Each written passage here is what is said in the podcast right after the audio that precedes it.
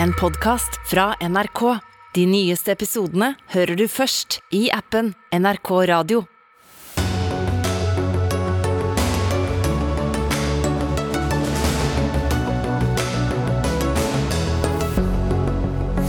De omstridte utenlandskablene som eksporterte store mengder strøm i vinter, importerte store mengder strøm i mai, men eh, debatten den forblir. Bilføre over 80 må likevel gjennom helsesjekk før de kan få beholde lappen. Hva skjedde med stortingsflertallet som skulle fjerne den sjekken?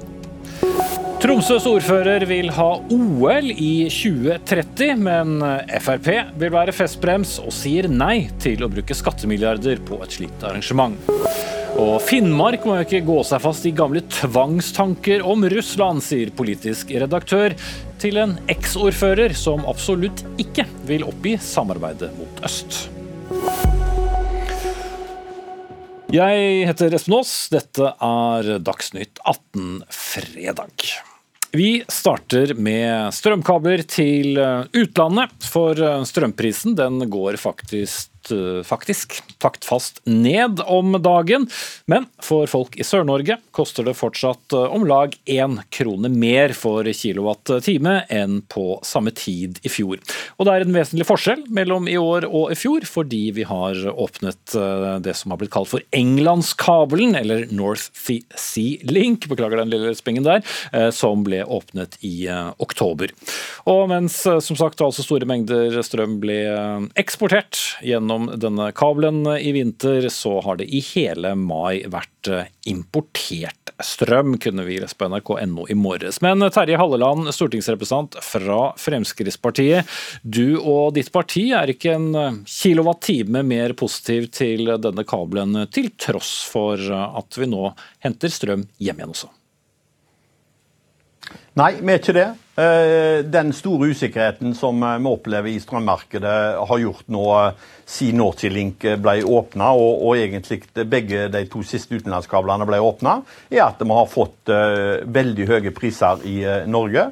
Og fordi vi nå importerer deler av, av, kraften som vi har gjort i mai, så, så er det jo det, den kapasiteten som vi nå har økt muligheten for å eksportere kraft har ført en så sterk prissmitte, der, der vi har importert uh, europeiske priser til Norge. Og det er vi veldig urovekka over, spesielt overfor industrien vår. Som vi ikke, eller som vi er redde for altså nå skal vegre seg mot å ta nye investeringer. Vi har selvfølgelig utfordringer på eksisterende industri som har langsiktige kontrakter, som på et eller annet tidspunkt skal reforhandles. Men òg så vet vi at det er mange nye som vil etablere seg, som nå vil være skeptiske hvis de nå skal komme inn og oppleve de prisene som, som er på det norske markedet i dag. Ja, Her ble neste, nesten hele ketsjupflasken med en gang, Halleland. Vi får ta det litt i tur og orden. Amund Vik, du er statssekretær i Olje- og energidepartementet fra Arbeiderpartiet. Det er vel likevel en fattig trøst at vi importerer litt strøm nå i mai, mens vi altså betalte store summer av både private og offentlige penger gjennom vinteren, så betaler det seg?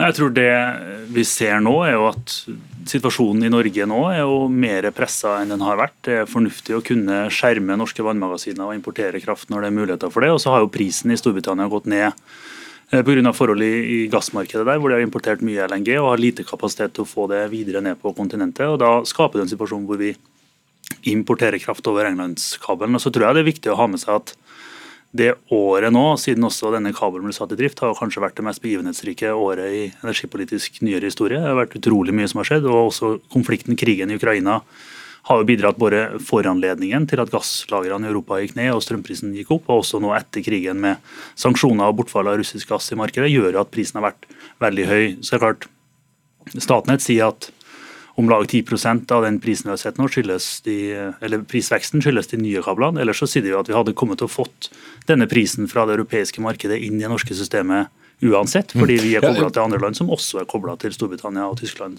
verset. Ja, bare for å stoppe ved akkurat det poenget. da, Dette var da en rapport fra Statnett som kom vel rundt mars-april. Mars, så Dere er enig i at prisene har økt pga.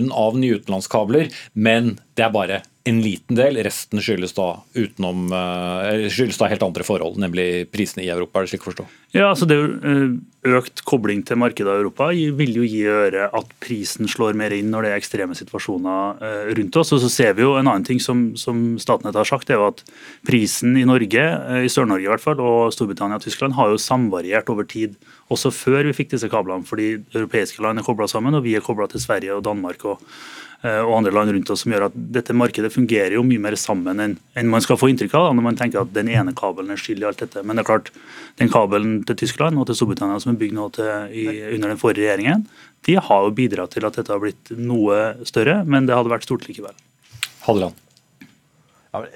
Ja, det, kan jo ikke være noe tvil om at når vi har økt uh, den kapasiteten som vi har gjort nå mot Europa, og spesielt mot UK og, og, og mot uh, Tyskland, som er de områdene som har de høyeste uh, prisene, i stedet for tidligere som har hatt kapasiteten vår retta mot Danmark og, og, Sverige, der prisene har vært mye likere i Norge, så har vi fått en prissmitte nå fra Storbritannia og Eh, og, og Tyskland. Og, og, Det er jo der jeg savner at eh, regjeringen går og gjør tiltak.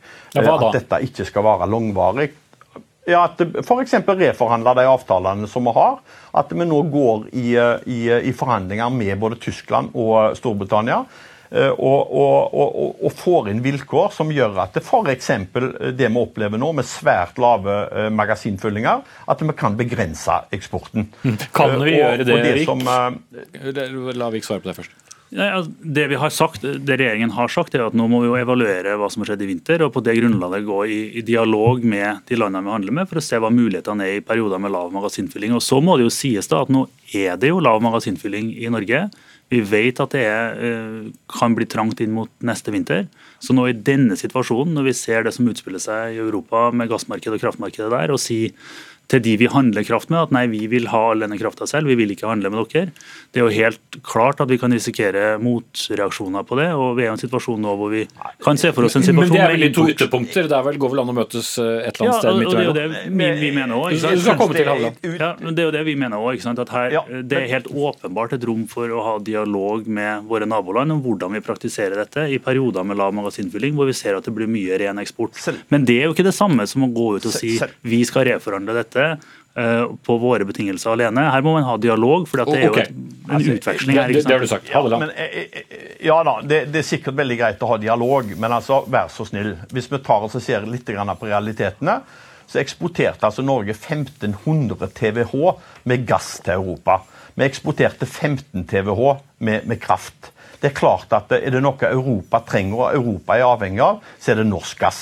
Vi tok nå, og, med velvilje har eh, økt eh, produksjonen eh, av norsk gass, som tilsvarer tilsvare 100 TWh til Europa. Og så har vi en, en, så passiv regjering at en ikke ser hva situasjonen Norge er i. Selvfølgelig så går det an å snakke til, til, til Europa og, og, våre venner der nede. Og er det noe de ønsker, så er det en beredskap på gass og at Norge skal kunne være den solide, stabile gassleverandøren til Europa. Men ikke strøm, er det det du sier, bare for å forstå resonnementet ditt, uh, Halleland? Ja, altså i alle fall på en sånn måte at uh, vi må uh, sikre egen uh, leveransesikkerhet på kraft til eget forbruk, til, til, til, norske forbrukere, til norsk næringsliv, til norsk industri. Det tror jeg ikke det vil være noen problemer med å få forståelse for i Europa. Vik. Nei, jeg, jeg tror det at vi må som resultat av denne krisen, gå i dialog med disse. Men det er klart, vi har jo uh, tatt grep for å øke norsk gasseksport. og har jo som, som det blir sagt økt med, med 100 TWh mer enn det prognosen var i utgangspunktet. Det er bra, og det blir satt pris på Europa.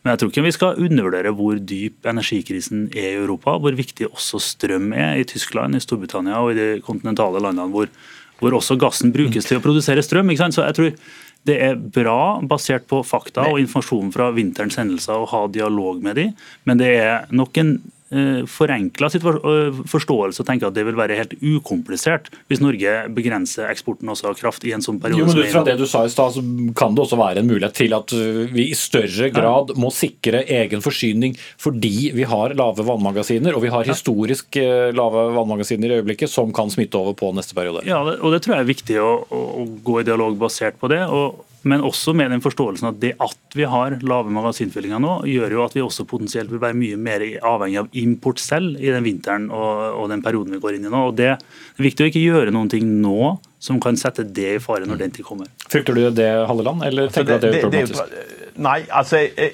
vi har, vi har, samarbeidspartnere i Europa som er helt avhengig av Norge og norske gassleveranser. Så er Norge i, i, vi er sårbare. Vi har et kraftsystem som er værbasert. Og, og når, da, når, været svikter oss, så, så, er det klart at da er vi, er vi sårbare. Men jeg er jo jeg er jo ikke i tvil om at Europa er der for å, å, å, hjelpe Norge når Norge trenger det. Og Norge er der for å, å hjelpe Europa når, når, vi er der. Så da er dere helt enige, da? Den, den, tilsvarer, den tilsvarer 1% av den eksporten som Norge har, hvis du ser på hva vi leverer av gass. Og Så gjør vi det krafttaket for å levere enda mer gass til Europa.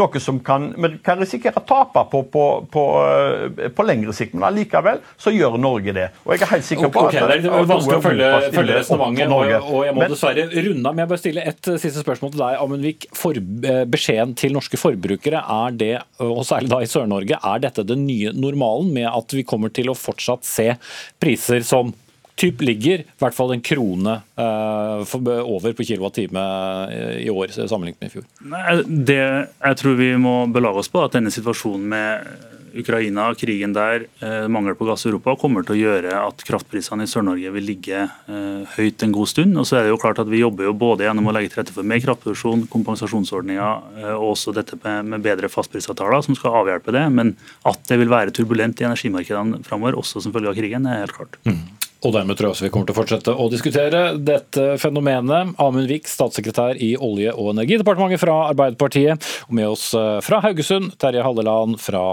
Fremskrittspartiet.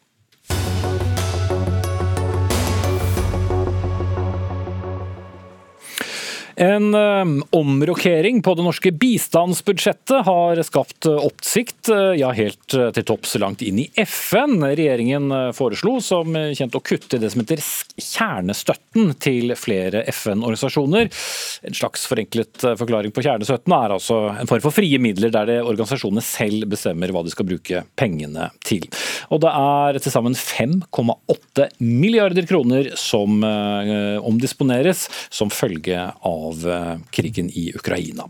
Arvin Gadgil, du er direktør på UNDP, Oslo Governance Center, som altså er FNs utviklingsprogram. 95% av kjernestøtten deres eh, skal altså kuttes. Eh, hva betyr det?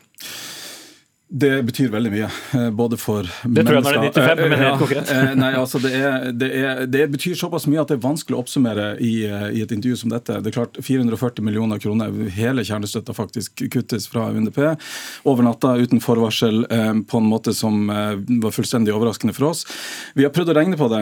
Det kan bety alt fra en reduksjon i vår evne til å støtte mennesker i å delta i valg. 60 millioner mennesker. Vi har, ser at hvis vi vi prøver å regne på hva det betyr i f.eks. tilgang på fornybar energi, så tror jeg at fornybar energi eh, tapte altså Mennesker som ikke får fornybar energi som følge av dette, er rundt 37 millioner mennesker i en fireårsperiode. Så de menneskelige konsekvensene er helt åpenbart enorme, men det er en hel del andre konsekvenser som kommer i tillegg til dette. Mm. Og jeg er sikker på at den Listen er lang, men ser du også at vi er i en situasjon hvor man må ta noen grep? Det er jo ikke sånn at man putter disse pengene i en skuff. Som FN så er vi veldig vant med at land velger eh, å prioritere forskjellig eh, fra år til år. og Det er øh, veldig mange gode grunner for det. Men, men, det som er spesielt i denne sammenhengen, er jo hvor dramatisk det oppfattes, um, og hvor voldsomt konsekvensene er. Og Det er jo veldig viktig for meg å understreke at dette er, kjennes, som du nevnte i innledninga her, helt til topps i FN-systemet, men også helt ut i de ytterste fingertuppene i FN-systemet, i land der vi har kontakt med vanlige folk og vanlig hverdag. Eh, og det eh, tror jeg, eller lurer, jeg lurer vel, veldig på om det har vært en del av, av tenkninga når, eh, når, dette valget ble tatt av den norske regjeringa, å bare stryke bort med et pennestrøk hele kjernestøtta til FNs utviklingsprogram. Ja, Bjørg Sandkjær, du er den heldige statssekretær i Utenriksdepartementet fra, fra, Senterpartiet som skal svare på dette. Det ser jo i hvert fall på papiret veldig dramatisk ut, og når vi hører utdypningen her, desto dramatisk? Mm. Så situasjonen både i verden og i Europa er dramatisk. Vi har fått ei eh, krise på vårt eget kontinent, i tillegg til andre kriser som vi jobber for å, å møte, som ingen forutså da Stortinget vedtok eh, bistandsbudsjettet og andre budsjetter i desember. Mm. Og, det vet vi jo alle, for vi har jo fulgt nyhetsbildet. Men det at noen skal da miste 95 av, av, av kjernestøtten, det er jo dramatisk? Ja, men altså, situasjonen er dramatisk. Vi står eh, midt i året. Vi må finne midler for å møte det er egentlig tre behov som vi ser at Ukraina-krisa har skapt. Det ene er behov for humanitær bistand i Ukraina. Vi har jo sett bildene av hvor, eh, hvor ødelagt deler av det landet er. Så må vi klare å ta godt imot og hjelpe mennesker som flykter fra Ukraina. Også de som kommer og banker på vår dør og vil ha beskyttelse hos oss. Og I tillegg, Ukraina er kan man si, verdens brødkurv. Når Russland angriper Ukraina, så fører det til sult og matkrise i andre deler av verden. Mm. Så vi har sett etter midler for å prøve å bøte på de tre Mm. områdene. Og, og, Så la dere frem da en Ukraina-pakke på 14,4 milliarder i, i, forkant av revidert nasjonalbudsjett, og så omrokerte dere enda 4 milliarder fra bistandsbudsjettet. Hvorfor det? Det, det, er helt, eh, det, er riktig som du sa. Du sa 5,8 til å begynne med. Det er den totale kostnaden for å ta imot flyktninger fra Ukraina i Norge. Vi foreslår å omdisponere 4 milliarder på bistandsbudsjettet for å ta godt imot disse flyktningene. Mm, så da flyttes Også, pengene hjem, ikke sant? For å ta imot flyktninger fra Ukraina. Mm. Er det så uforståelig, Galli? Jeg skal være litt forsiktig med den type karakterisering, men det er klart at vi ser at eh, mange land velger andre modeller. Eh, I Sverige så har man klart å unngå å kutte kjernestøtten. I Finland så tar man ikke engang å regne inn mottak av flyktninger inn i bistanden. Eh, vi noterer oss jo at Norge nå er den desidert største mottakeren av bistand. Og det vil jeg jo si at står litt i kontrast til det som er situasjonen i verden. Det er jo ikke bare krise i Ukraina, dessverre. Det er ved første gang på 30 år så ser vi at utviklingsindikatorene fattigdoms fattigdomstallene går oppover, ulikhetstallene går oppover, og som statssekretæren er veldig klar over, fatt, eh, sulttallene går også veldig raskt oppover. Og, og, ingen er jo uenig i det, men man må prioritere? Ja, men eh, det er da snakk om fire milliarder eh, som er tatt eh, fra, fra bistandsbudsjettet. Fire milliarder er for all del veldig mye penger, eh, men jeg vil jo appellere til både regjering og storting å tenke på om det er en riktig prioritering, når vi vet eh, både konsekvensene for mennesker der ute, men også for Norges omdømme og for måten vi ønsker å ha et forhold til FN på fra dette landet. Ja, og dette kuttforslaget Sandkjær, vakte såpass stor oppsikt da at FNs generalsekretær ringte din statsminister Støre for å, å, si at han er eh, bekymret. Hvilket signal sender det når landet som vi gjerne omtaler som et av verdens rikeste land, gjør dette grepet? Mm. Nei, vi får spørsmål, spørsmål bl.a. fra FNs generalsekretær, som du sier. Jeg tolker de reaksjonene også som at land verden rundt oss ser på Norge som en god partner til FN, og ønsker at vi skal fortsette å være det. Vi, fortsatt, vi er fortsatt det landet som gir mest støtte til FN per innbygger. Og vi ser på FN som en veldig viktig partner i det, alle de innsatsene som vi skal inn i framover. Mm. Men det er jo ikke det de reagerer på, de reagerer jo på kuttet. Så Vi står i en ekstraordinær situasjon. Som du har da, da Må vi, da, da, må vi gjøre noen ekstraordinære grep. Det å omprioritere budsjettet midt i året er utfordrende. Mm. Men, men, det mange være... reagerer på er jo at man flytter bistandspenger ute for å uh, bruke de hjemme, sånn at Norge da faktisk blir den største bistandsmottakeren uh, på det norske bistandsbudsjettet ved den uh, omrokeringen. Og mange syns det sender et litt rart signal hvor vi har jo ganske mange milliarder likevel. Ja, det som er viktig for oss, er at vi skal klare å ta godt imot de flyktningene som kommer til Norge og søker beskyttelse.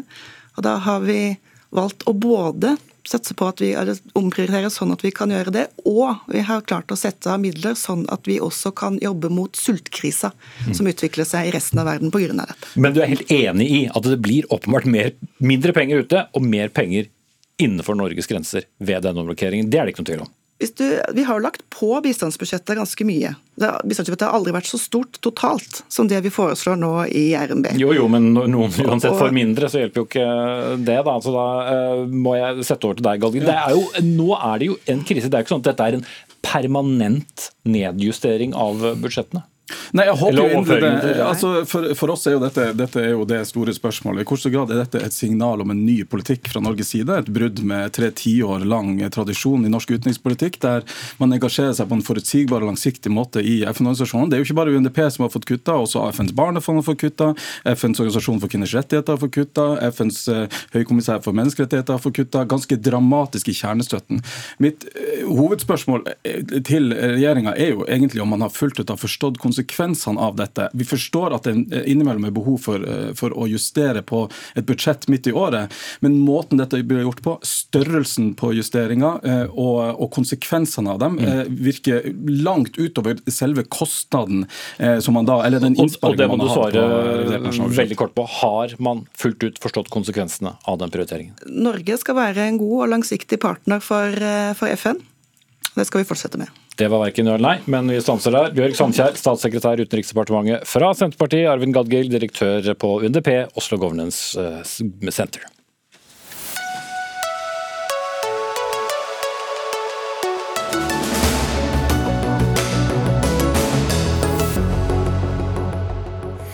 Det skal fortsatt kreves helseattest av bilførere over 80 år, ja det slo regjeringen fast eh, i dag. Da denne saken var oppe i Stortinget i fjor, mente Arbeiderpartiets talspersoner at kravet til helseattest for bilførere over 80 år var nedverdigende og stigmatiserende, og stemte for å fjerne dette kravet.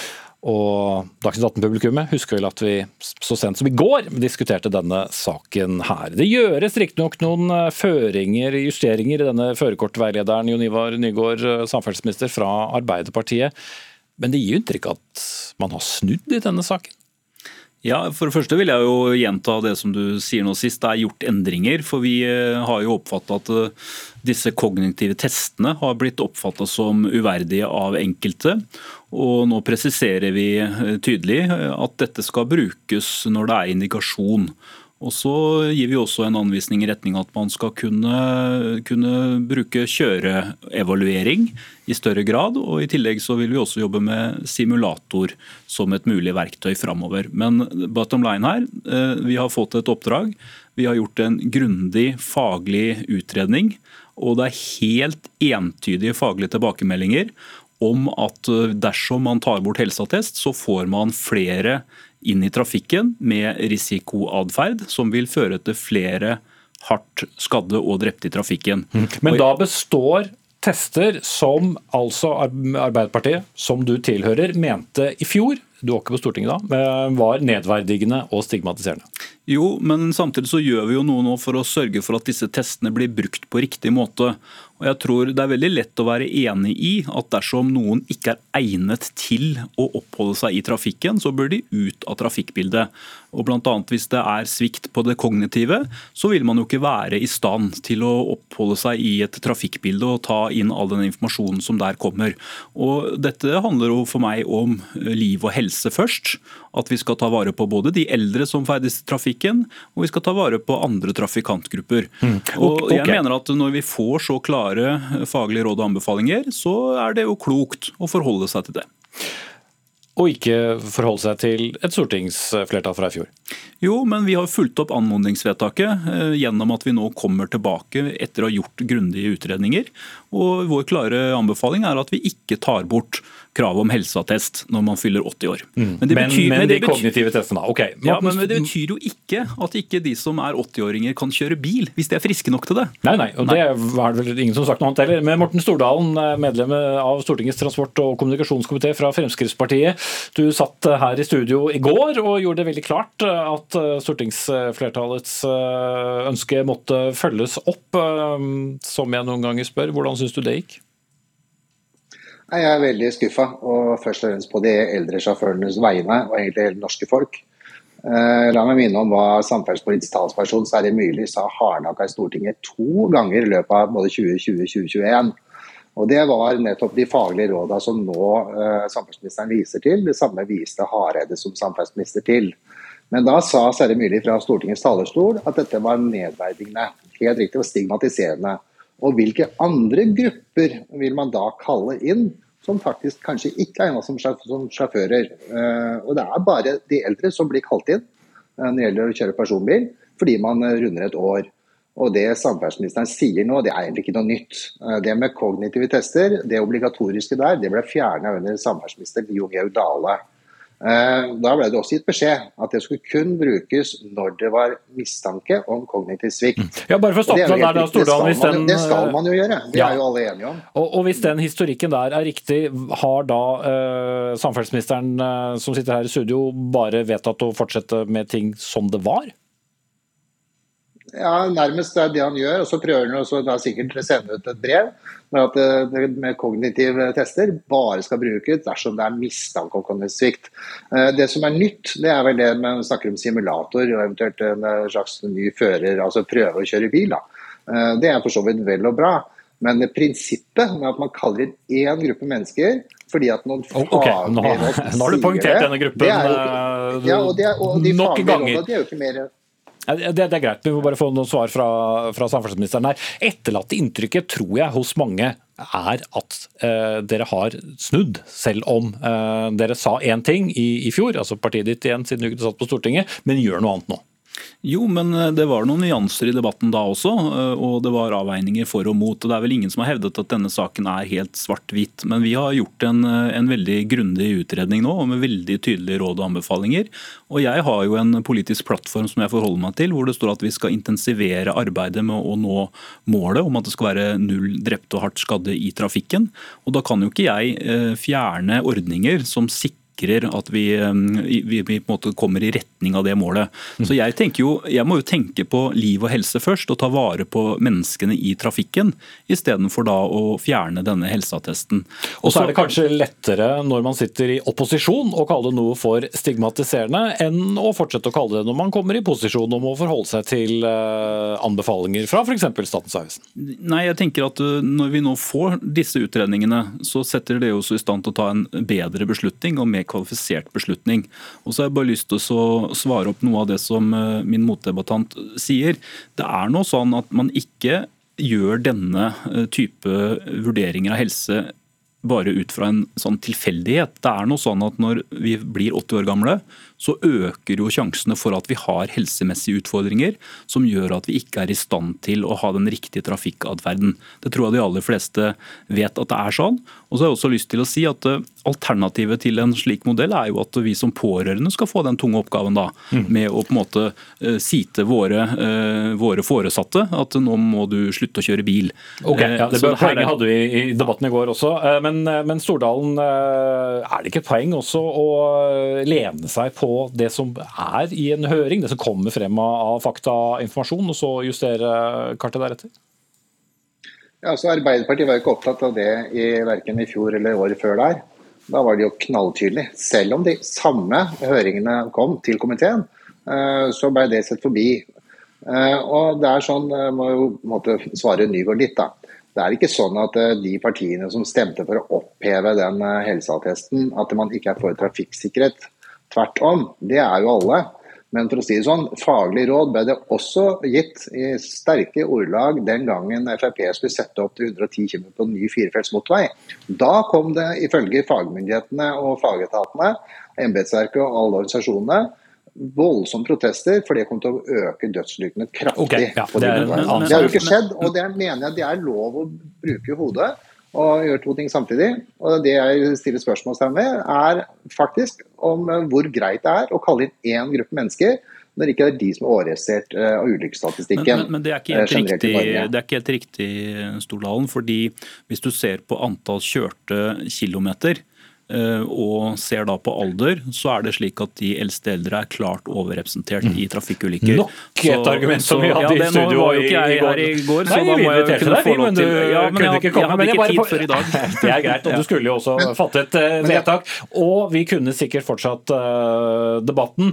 SV, som tok initiativ til å fjerne kravet om helseattest, og som også er regjeringens støtteparti i budsjett, hadde ikke anledning til å delta i sending i dag, men jeg takker Jon Ivar Nygaard, samferdselsminister fra Arbeiderpartiet, og Morten Stordalen fra Fremskrittspartiet for nok en debatt her, men da ser det i hvert fall ut til at denne saken er avgjort eh, inntil videre.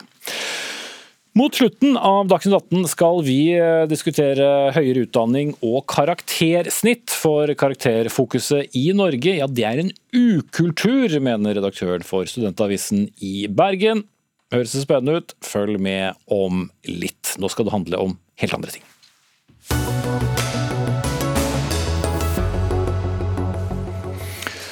For eh, det begynner å nærme seg 30-årsjubileum for det som ble kalt The Best Games Ever, vinter-OL på Lillehammer, eller Lillehammer om du vil, i 1994.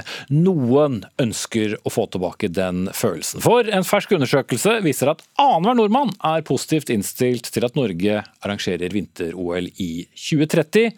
27% sier de er negative. Det er en landsomfattende spørreundersøkelse som Respons har gjort på oppdrag for VG.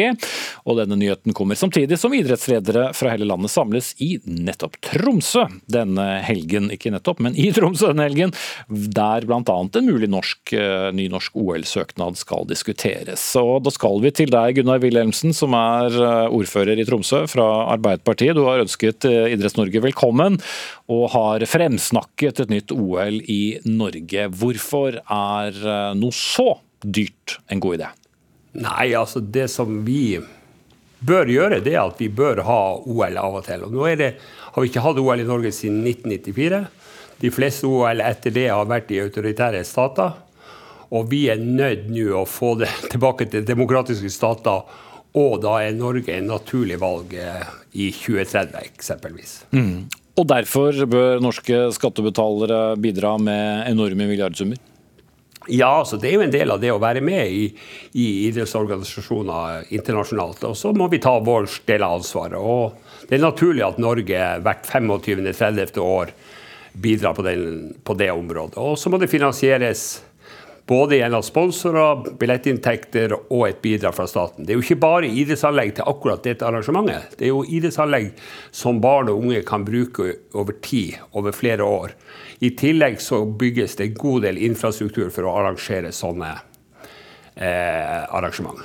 Silje Hjemdal, stortingsrepresentant fra Fremskrittspartiet og medlem av familie- og kulturkomiteen på Stortinget. Du uh, har uh, til oss allerede annonsert at du uh, deltar i denne diskusjonen som festbrems. Men hvorfor det? Nei, akkurat i denne debatten så tenker jeg at det er viktig å ha en vaktbikkje fremfor en eh, festløve. Nettopp fordi at dette er skattebetalernes eh, penger. Og til syvende og sist, uansett hvordan et arrangement blir, så er det skattebetalerne som sitter igjen med risikoen. Og i en tid der folk eh, sliter med høye strømregninger, dyrt drivstoff, høyere rente, sykehuskøer, ikke minst mange andre store utfordringer i eh, samfunnet, så er vi nødt til å tenke på hva vi skal prioritere. Og For Fremskrittspartiet så er ikke en pampefest det vi har øverst på listen. Vi mener faktisk at dette er kanskje et av eh, eksemplene på verste form for eh, offentlig sløseri. I hvert fall i den skalaen som arrangement har vært tidligere. Det gikk vel ganske greit på 90-tallet også, kanskje. Men det er jo et poeng Wilhelmsen, at det krever enorme uh, ressurser. Uh, og nettopp dette med prislapp var jo det som til sjuende og sist stanset Tromsøs OL-drøm om å ha vinter-OL i, i, i 2018. Da vant jo skeptikerne, så hvorfor skal ikke det samme skje igjen? Nei, for jeg mener at det er et ansvar vi må ta. Og så må, må jo ikke fremstille. Jeg har jo forståelse for at Frp bruker jo den retorikken og tar det opp mot de som er svakeste i samfunnet. Vi, dette er ikke uh, dette er ikke anlegg for pampene. Dette er anlegg som skal vare i byene. Og Jeg er jo av den oppfatning at vi skal ikke ha de pompøse anleggene. Vi skal ha anlegg som skal brukes etter OL, og vi skal bruke, ta hele landet i bruk. Og jeg mener også den strategien som Idrettsforbundet har når det gjelder gjenbruk av eksisterende anlegg. Så hvis du klarer å samle hele landet, med, fra Tromsø i nord til Lillehammer eller hvor det måtte være, så vil det være med på å samle landet vi har gode meningsmålinger nå. Det viser at det som skjedde både med søknaden til Tromsø i 2018 og Oslo etter det, er tilbakelagt stadig. Og nå må vi se fremover, og da må vi ta vår andel. Og vi i landsdelen her trenger anlegg. Det kan være ishockeyhaller. Vi har I Narvik har vi alpinfasiliteter. De har søkt om VM. Og det er sikkert mange byer som også gjerne vil ha uh, anlegg. Men Silje Hjemdal, tilbake til det andre poenget til Wilhelmsen. er jo Hvorfor skal ikke da et åpent og demokratisk land som Norge arrangere OL, når det jo har vært eh, ganske mange stater som uh, har arrangert uh, OL, og for så vidt VM for den sakens skyld hvor veldig mye handler om brudd på menneskerettigheter og helt andre ting. Er det ikke da bedre at et land som Norge tar det ansvaret? Men det er jo det idretten selv som bestemmer. og Jeg har ikke tenkt å være noe diktator over idretten eller hvor de ønsker å ha sine arrangementer, men en debatt om det er selvsagt også sunt. Eh, men eh, det jeg har problemer med å akseptere, er at Arbeiderpartiet her prøver å skyve breddeidretten foran seg på hvorfor det er viktig å arrangere OL i Norge. Jeg mener at vi selvfølgelig eh, skal bygge anlegg for barn og unge og ha flotte idrettsanlegg der ute, eh, men det må vi gjøre med momskompensasjon, med å fjerne på, eh, etter, etterslepet på spillmidler til idrettsbygg. og Fremskrittspartiet er gjerne med å bygge mer idrettshaller for idretten, men at vi skal svi av milliarder for å skyve barn og unge foran oss, det syns jeg eh, blir et litt, eh, litt, tynt argument. Eh, så her har Arbeiderpartiet alle muligheter. De hadde det nå også i revidert, og vise at de satset på idretten. Det valgte de ikke å gjøre. Okay, to, og da å prioritere et OL blir men, noe helt annet. Ja, det er akkurat det. Det blir noe helt annet enn, enn hva man gjør i et budsjett nå. Men, men Wilhelmsen, når du snakker om å ta landet, hele landet i bruk, jeg skulle nesten tro du slo opp en Senterparti-skade der. Hva er det du ser for deg egentlig som da er det store innsalget? Blir det ikke litt pussig å skulle invitere til OL i, i Norge, hvor det er eh, ja, et stykke mellom f.eks. Lillehammer og Tromsø? Nei, men altså, Det er for meg helt uproblematisk. Altså, Vi bør ta hele landet i bruk eh, for å samle hele landet når det gjelder et OL. Og så er det ikke de kravene fra IOC som det var tidligere om at det skal være kompakte leker.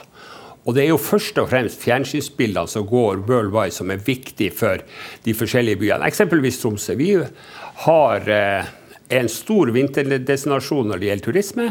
Og det å kunne promotere Norge og Tromsø ut i den store verden vil være viktig som næringsutvikling. I tillegg så er det jo de, den infrastrukturen som bygges med eksempelvis hybler eller leiligheter, er jo ting som det norske samfunnet trenger i høyeste grad. Så etterbruken er jo vel så viktig som som den hendelsen på de fire ukene. Og det, Jeg skyver ikke breddeidretten foran meg.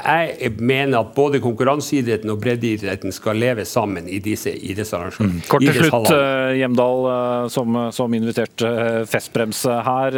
Har du ikke noe tro på at det faktisk går an å få både god infrastruktur og etterbruk ut av et OL, hvis man bare bruker hodet fra starten av? Fremskrittspartiet har alltid ment at infrastruktur er viktig. Både vei, jernbane osv bare ikke blande OL inn i det. Studentboliger og boliger. Så det klarer vi helt fint uten at eh, vi må ha et eh, OL. Men jeg syns det er viktig å stille noen kritiske spørsmål også til hvordan skattebetalernes penger brukes. For det er til okay. syvende og sist de som sitter med risikoen, det er ingen andre. Og da har eller, vi et ansvar for å være litt kritisk. Ja, eller de som forvalter pengene, da. Men uh, takk skal dere ha for denne lille OL-floken. Silje Hjemdal, stortingsrepresentant fra Fremskrittspartiet, og Tromsø-ordfører Gunnar Wilhelmsen. Wilhelmsen fra Arbeiderpartiet.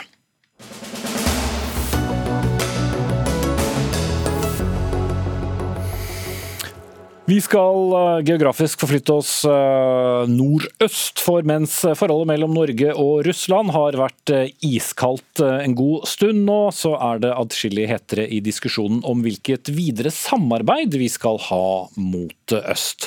For det historisk tette og for mange både viktige og kjærlige båndet mellom Øst-Finnmark og Nordvest-Russland har blitt gjenstand for hard kritikk. Med sin nesten 200 km lange grense er nemlig mye av Sør-Varanger kommune bygget opp rundt et samarbeid med russiske naboer russiske naboer som tilhører et land som har invadert Ukraina. Mye av, og mesteparten for så vidt, av samarbeidet er nå lagt eh, på is, men vi må ikke gi opp Russland, har du skrevet på Nordnorsk debatt. Rune Rafaelsen, tidligere eh, Arbeiderpartiordfører i Sør-Varanger og mangeårig leder av Barentssekretariatet. Er dette tidspunktet å snakke om videre samarbeid med Russland på? Ja, det tror jeg er et riktig tidspunkt. Eh, Men det som er viktig å slå fast, det er jo at, at uh, min artikkel var jo basert på at krigen en gang vil ta slutt. Og hvordan kommer vi oss videre? Uh, skal vi på en måte gi opp Russland? Og, og det som, det som uh, vi kan diskutere, for at, også, også, som jeg skriver i artikkelen, så det er ene og alene Russland som har ansvaret for at det er krig i Europa nå og, og angrepet på, på, på, på, Ukraina. Så, så, det, så det, er en, det, er en, diskusjon som, som, som, vi, som vi, kan legge død, for det, der er vi enige. Eh, men historisk så har jo Norge eh, altså, hatt et forhold til, til Russland altså, siden den offisielle grensedragninga var i 1826. Og Det var jo også et resultat av dialog mellom to autoritære monarker, nemlig Karl Johan, eller som han da eh, het, altså Jean Baptiste jo, da, og, og, det er mye historikk i den eh, artikkelen som, som, er, som, er, interessant å sette på, men hvis vi setter inn i konteksten med der vi er eh, nå, er, hva, hva skal vi gjøre nå? Tenker, er det du beskriver hva vi skal gjøre når krigen er slutt, eller bør folk i Sør-Varanger og uh, folket på, på, på, den østlige siden da, av, av, grensen uh, fortsatt eh, ha et samarbeid mens det pågår krig? Det som står i artikkelen, at vi skal ikke ha noe samarbeid, verken lokalt, regionalt eller nasjonalt, så lenge vi har, har, en nabo som går til krig med Ukraina. Nemlig. Men krigen vil ta slutt. Det står helt klart. Og det jeg snakker om, det er demokratiske nettverk. Og dem finnes det av. Jeg snakker med russere daglig, snakker med dem i går, og det er folk som bor i Murmansk, de er fortvilt. Eh, det finnes organisasjoner her i Kirkenes som har kontakt med kunstnere. Eh, det er bare ei uke siden det ble, ja, jeg, jeg tenkte bare å få klarlagt det for de som ikke har lest eh, artikkelen. Men jeg skal ta inn din motdebattant, og det er deg, Skjalg Fjellheim, politisk redaktør i Nordlys. For du har også skrevet om dette, og du skriver at Rafaelsen har sitat, vansker med å justere sitt gamle verdensbilde. Hva er galt med å tenke litt fremover og være litt eh, optimist på, på at det kommer en tid etter krigen? Ja, Det er jo ikke slik at hvis eh, Russland eh, blør ut på slagmarken i Ukraina og det skulle bli innført en, en våpenhvile om et halvt år eller fem år, hva vet vi, så er det jo ikke slik at Russland nødvendigvis er et annet land. Russland vil jo likevel være, eller har gått fra å være et et eh, autokratisk eh, kleptokrati til å bli et eh, reinspikka fascistisk diktatur. Og jeg tror ikke det er bare som Rafaelsen sier, å trykke på en slags restart-knapp og da gjenoppta dette folk-til-folk-samarbeidet igjen.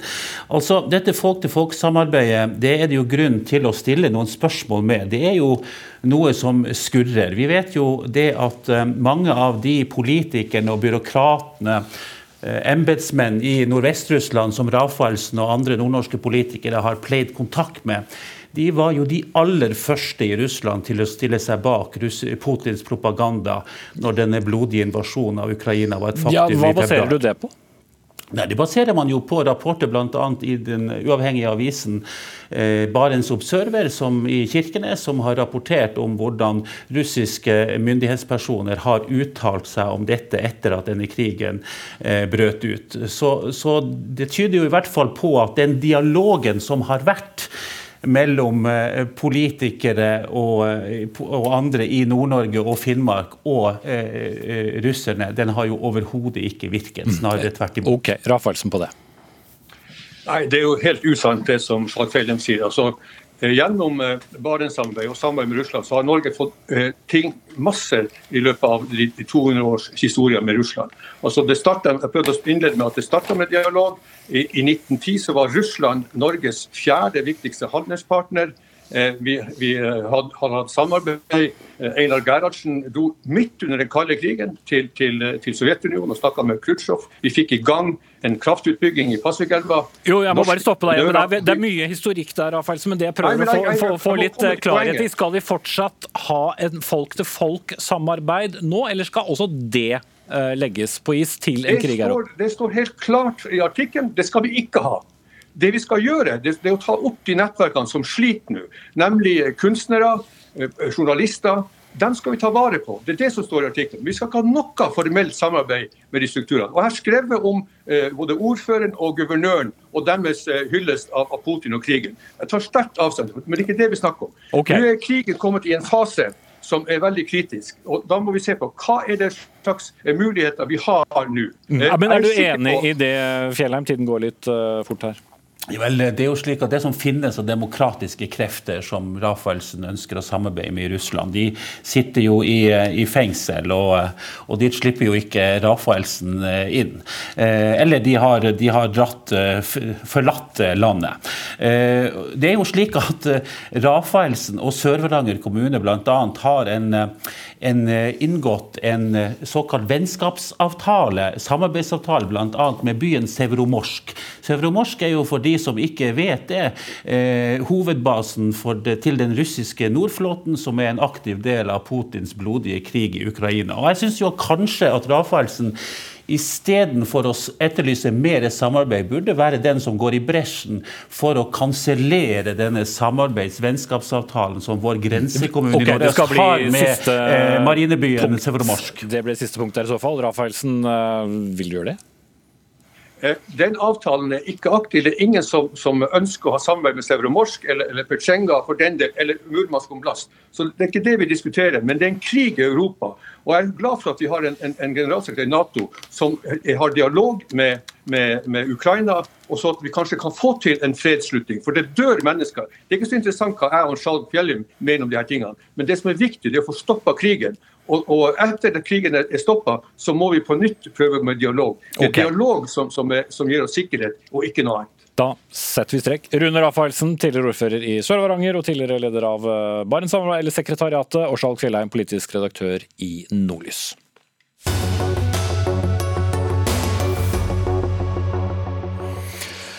Karakterene de spiller en eh, for stor rolle i opptaket til høyere utdanning og må endres. Det mener redaktøren i Studvest, som er studentavisen i Bergen. Snittet for høyere utdanning har eh, økt de siste årene fordi videregående eksamener har eh, blitt avlyst som følge av korona, som vi vet og det har gjort det vanskelig å komme inn for mange. I Danmark er det blitt foreslått å sette en maksgrense for karakterkrav til høyere utdanning. Og Theodor Langsson, ansvarlig redaktør for eh, studentavisa Studvest, og også student ved Universitetet i Bergen, da. Du mener at Norge bør vurdere å gjøre det samme. Hva er poenget med det? Det den øh, danske reformkommisjonen har, har foreslått, det er å, å ta et kikk på hvordan karakterer er med til å påvirke læringen. Og det synes jeg er øh, veldig interessant at undersøge og, og, og kigge nærmere på, om der kunne være noget af det. Det er ikke sådan, at jeg synes, at øh, der må være en maksgrænse øh, på, hvor, hvor, øh, hvor karakteren skal ligge. Men jeg synes, det er vigtigt, at vi får en debat omkring, hvilken rolle karakterer spiller, hvad det er for et, hvad det er for et pres, det, det skaber. Jeg synes det er vigtigt at kigge på, at, at karaktererne skal være sekundært, og ikke være det primære, ikke den primære motivation for det at gå på en, øh, på en uddannelse, på en uddannelse og, og lære. Men øh, nå er det jo den måten vi har øh, hatt for mm. eh, opptak til eh, høyere utdanning i alle år. Så har det vært en ekstraordinær situasjon nå pga. Eh, korona. Bør mm. det være nok til å endre? Ja, altså det den, det den danske reformkommisjonen foreslår, det er å ha en maksgrense på det der heter 9 øh, i det danske karaktersystemet, som svarer til en litt under 5 øh, i det norske videregående karaktersystemet. Det er ikke sikkert, at der skal være en maksgrense lige der, men jeg synes, men jeg, men jeg at, at sige det, at når man har fået en, en karakter på lidt under 5, der har du vist, at du formår at, at deltage i en faglig diskusjon, og du formår at, at ta en utdannelse på et, på et høyere nivå. Mm. Og så synes jeg, at vi, vi heller skal, skal snakke om, at vi skaper et godt læringsmiljø, i stedet for å kikke på noen som har veldig, veldig høy karakterer. Ok, Bjørn Stensaker, viserektor for Utdanning Universitetet i Oslo. Burde vi look to Danmark? Jeg syns jo dette er en veldig viktig debatt. Så, så jeg, det, er derfor, det, er derfor, jeg gjerne stiller også. Jeg, jeg, tenker at uh, Av og til så skal vi lytte på danskene. Her tror jeg de, de kanskje tar litt mye kraftig medisin. Tematikken er viktig her handler det om at eh, tilbud og etterspørsel ikke er i balanse. Det er mange flere studenter som ønsker seg inn enn det vi har studieplass på. Men det er viktig å huske på at dette er faktisk noe som gjelder kun utvalgte studier. Det gjelder ikke hele, hele utdanningssektoren. Nei, men Hovedpoenget er jo at det er veldig høye eh, karakterkrav noen steder. Og gjør det deg nødvendigvis best skikket om eh, du klarer å nå de karakterene, enten ved å ta opp igjen fag eh, eller ha noen gode eksamener? altså det, hvordan, hvordan, løser vi problemet? Vi, vi, kan, vi kan, lage en, en bedre balanse på tilbud og etterspørsel. F.eks. på noen av de studiene det er vanskeligst å komme inn på medisin. ja, men Da kan vi bygge ut medisinutdanningen slik som det er planlagt, og som vi, vi håper at det kommer studieplasser på det. Kjempefint. Vi kan ha nasjonale opptaksprøver. Det er også en mulighet. Det er noen land som har det. Det er fordeler og ulemper med det også. Og så må vi se på disse tilleggspoengene som vi har i Norge. Eh, alderspoeng f.eks. I dag er det jo slik at en del unge han er sagt, de som kommer rett fra videregående skole. Det er en kvote der på, på førstegangssøkere. Og, og, vi ser at det er veldig mange uh, unge som ikke kommer inn på ønsket studium ganske mm. tidlig. Mm og som da går den veien med ja, da, vi, vi, vi, har diskutert alle variantene ja. her i, i, Dagsnytt 18, men gjøres det noe initiativ fra f.eks. Universitetet i Oslo å tenke annerledes enn kun et høyt uh, snitt på de studiene som uh, er mest populære? Vi har prøvd å få til dette uh, flere ganger, bl.a. på medisinstudiet. En av de tingene man har gjort i Danmark, som, det er, og det har de på flere studier, de har, de har egne prøver for å, motivasjon, for, å, for egnethet. Det er viktige ting. Um, det er nasjonal, et nasjonalt utvalg i gang på dette, så, så, vi håper jo at uh, de kommer opp med en del løsninger når det gjelder akkurat dette. Men at det, vi må gjøre noe med det, det er jeg helt enig i. Så der blir du i hvert fall møtt et stykke på veien, langsomt, Langsson. Men uh, har vi dårlig tid? En gang til. Har vi dårlig tid til med å endre opptaket? Altså haster det? Ja, det syns jeg i hvert fall det gjør. Altså, det er jo noe som jeg tror, vi har en diskurs, vi har en, en læringsdiskurs lige nu, i hvert fald i Danmark, hvor at karaktererne fylder, fylder rigtig meget. Vi ser i hvert fald på, på min videregående uddanning, at der er mange, der, der rækker op hånden for at øh, bidrage med at vise, at de har kompetencer til at kunne få en høj karakter. Hvor jeg tror, vi skal prøve at ændre den diskurs og prøve at skabe et læringsmiljø, hvor man bidrager fordi man har lyst at bidrage til fagligheden, man har lyst at bidrage til at gøre hinanden klogere og skabe et godt læringsmiljø, snarere end man har lyst at, at, at række op hånden, fordi man, man gerne vil, øh, vil vise, at man, at man formår øh, mm. og, og gøre sig fortjent til en høj karakter. Så jeg tror, det, er, det, det tar lang tid å endre, men jeg synes vi skal starte på det. Ja, og for å si det med noen andre ord, Stensaker, Er det fare for at de høye karakterkravene gjør at karaktermotivasjonen kanskje rett og slett overkjører læringsmotivasjonen? Ja, det er det definitivt en, en mulighet for. Uh, og Derfor så er det, det er viktig at vi ser på opptakssystemet i høyere utdanning med, med et litt nytt blikk, for, for, det fungerer ikke optimalt i dag. og Vi ser at en del av de tiltak, og de har jo bl.a. vært gjennomført politisk, uh, tilleggspoeng for ja, uh, alder, kjønn osv. Mange gode hensikter, men det har samla sett lagd et system som, som, er litt kaotisk, og som, som fører til litt taktisk atferd. Og, og, det er ikke samfunnsmessig tjenlig. Nei. Og det bør politikere til, også når vi skal diskutere den slags. De er ikke her nå. Jeg takker av deg i, i Bergen, Theodor Langsson, ansvarlig redaktør for Studvest. Men vi skal ikke slippe tematikken helt, for eh, det skal fortsatt handle om karakterkrav. Og Kravet til det som heter honors-program i realfag på nettopp Universitetet i Oslo, det krevde faktisk et snitt på 62,8 i 2020. Programmet ble til eh, som del av Universitetet i Oslos satsing på tilbud til de som ønsker å strekke seg litt lenger, som det het seg.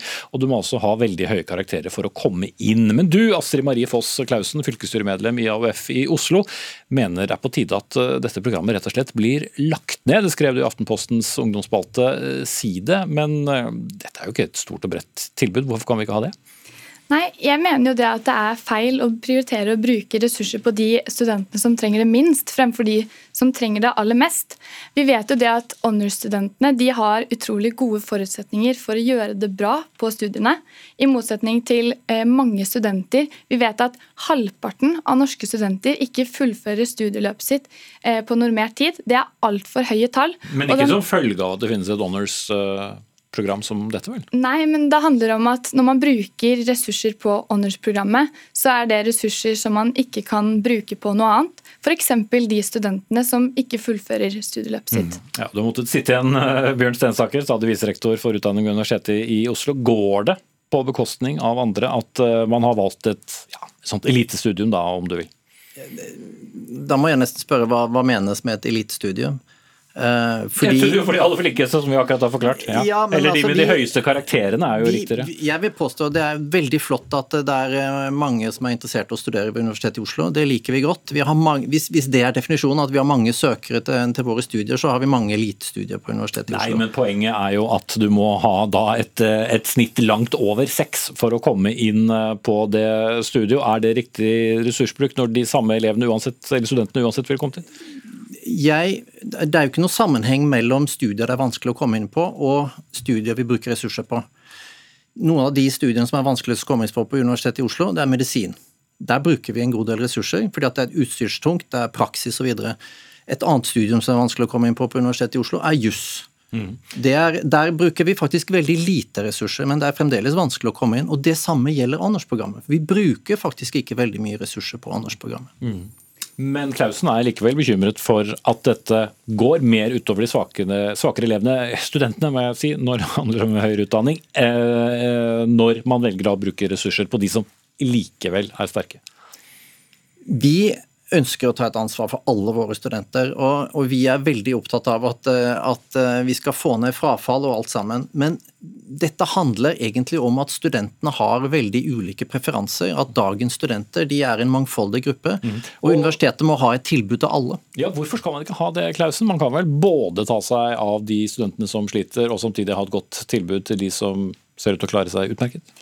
Nå kan ikke jeg så mye om eh, finansiering av eh, universitetene, men én ting er jeg sikker på, og det er det at når man velger å bruke ressursene på honorstudentene, så er det ressurser som man ikke kan bruke på andre studenter.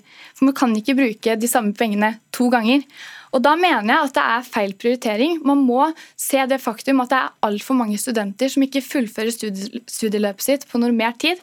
Og Det mener jeg er veldig rart at ikke dere eh, på Universitetet i Oslo eh, velger å prioritere. Mm, ja, tallene viser at 30% frafall fra bachelorprogrammene hos dere. 43% frafall fra Humanistisk fakultet, eh, som da også har et honors-program. Så Absolutt. noe spiller vel ikke helt som det skal? Nei, og, og det, disse tallene handler om nettopp dette mangfoldet. Jeg pleier å si at vi har tre grupper studenter i høyere utdanning. Det er de som vet hva de ønsker å studere, og som vet hva de skal bli. Det er de som, ønsker, som vet hva de skal studere, men som ikke vet hva de skal bli når de blir store. Og så er det den siste gruppen som ikke vet helt hva de skal studere, og som heller ikke vet hva de skal bli. Og veldig mye av frafallet er i den siste gruppa. Da må vi jobbe med det, og en av de tingene vi gjør, er jo nettopp å lage nye studieprogram for å på en måte hjelpe disse studentene til å navigere gjennom uh, utdanningen. Og det, det Honors-programmet faktisk gjør, som er veldig viktig, det er at det svarer på en del av de samfunnsutfordringer som vi har i dag. Det svarer på klima, miljø, Eh, behovet for å gjøre noe med klima, miljø, bærekraft. Det er det den kan type... du gjøre selv om ikke du har en skyhøy eh, grense for å komme inn? Nei, men det er et eller annet å gjøre med, med, Vi må prøve å bruke dette programmet, og det gjør vi også til å eksperimentere med nye undervisningsformer. Og det å jobbe tverrfaglig som vi gjør i dette programmet, det er noe vi ønsker å gjøre mer av. og Derfor så er det viktig å lage denne type mm. piloter. Og, og Klausen, dette har jo vært et av de mest etterspurte studieprogrammene på universitetet. Så når det er så mange som vil inn der, er det da så galt?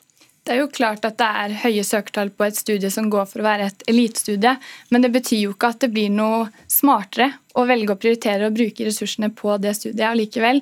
Jeg mener at det er en feil prioritering, og at man burde sette de studentene som sliter, først, ikke de som uansett har gode forutsetninger for å gjøre det bra og for å fullføre. Men hvordan kan du si at de ikke setter dem først?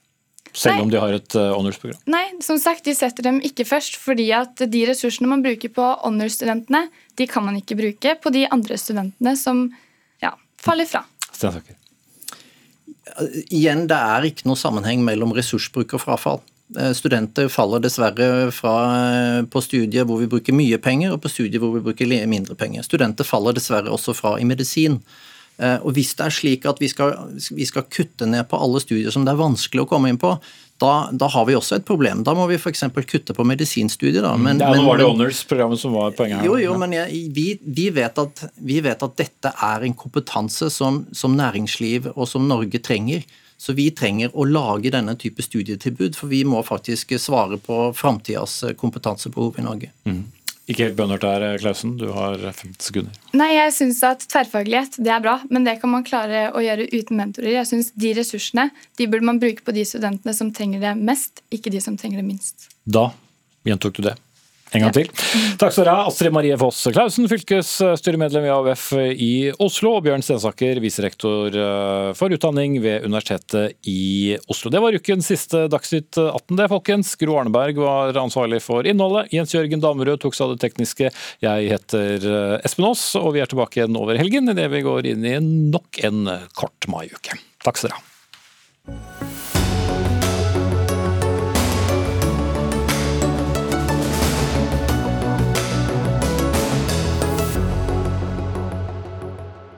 Du har hørt en podkast fra NRK. De nyeste episodene hører du først i appen NRK Radio.